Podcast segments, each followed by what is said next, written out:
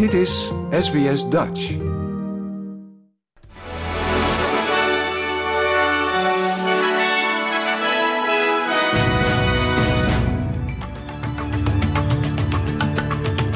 Dit is de SBS Nieuwsflits van woensdag 13 september. Mijn naam is Paulien Roesink. De regering heeft aangekondigd grote hervormingen te zullen doorvoeren in de tabaksindustrie. Minister van Volksgezondheid Mark Butler maakte bekend dat onder meer de gezondheidswaarschuwingen op sigarettenpakjes worden gemoderniseerd. De reclameverboden worden uitgebreid naar e-sigaretten en vapes en dat de productontwerpkenmerken worden gestandaardiseerd. De Groenen blijven zich inzetten voor huurders, ook nu het Housing Australia Future Fund waarschijnlijk doorgaat. Het fonds van 10 miljard dollar voor sociale huisvesting zal naar verwachting vandaag worden goedgekeurd door de Senaat.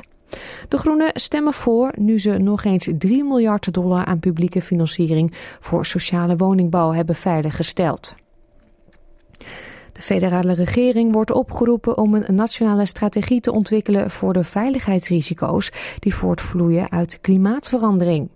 Een groep voormalige defensie- en veiligheidsspecialisten is naar Canberra gereisd om parlementsleden bij te praten over zo'n plan.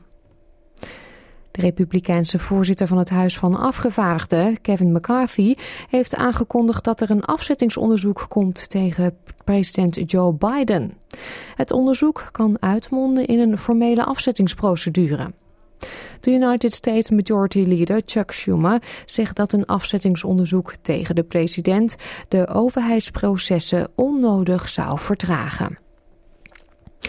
Volgens het Rode Kruis zijn ruim 40.000 mensen uit de Libische stad Derna ontheemd geraakt als gevolg van de ernstige overstroming al daar. De ambulancedienst in Derna zegt dat er tenminste 2300 mensen zijn omgekomen, maar naar verwachting zal het dodental nog stijgen.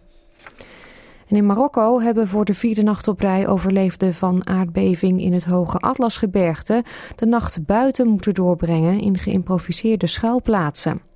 Het dodental van de beving van vrijdag, die een kracht van 6,8 op de schaal van Richter had, is inmiddels opgelopen tot ruim 2800.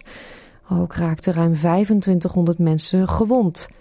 Reddingswerkers hebben sommige afgelegen gebieden nog niet kunnen bereiken en dus wordt gevreesd dat het aantal doden en gewonden de komende dagen nog zal oplopen.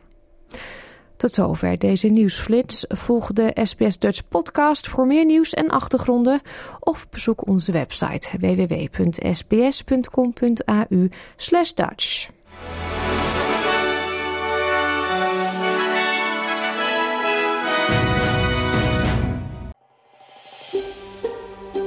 Wil je nog meer soortgelijke verhalen?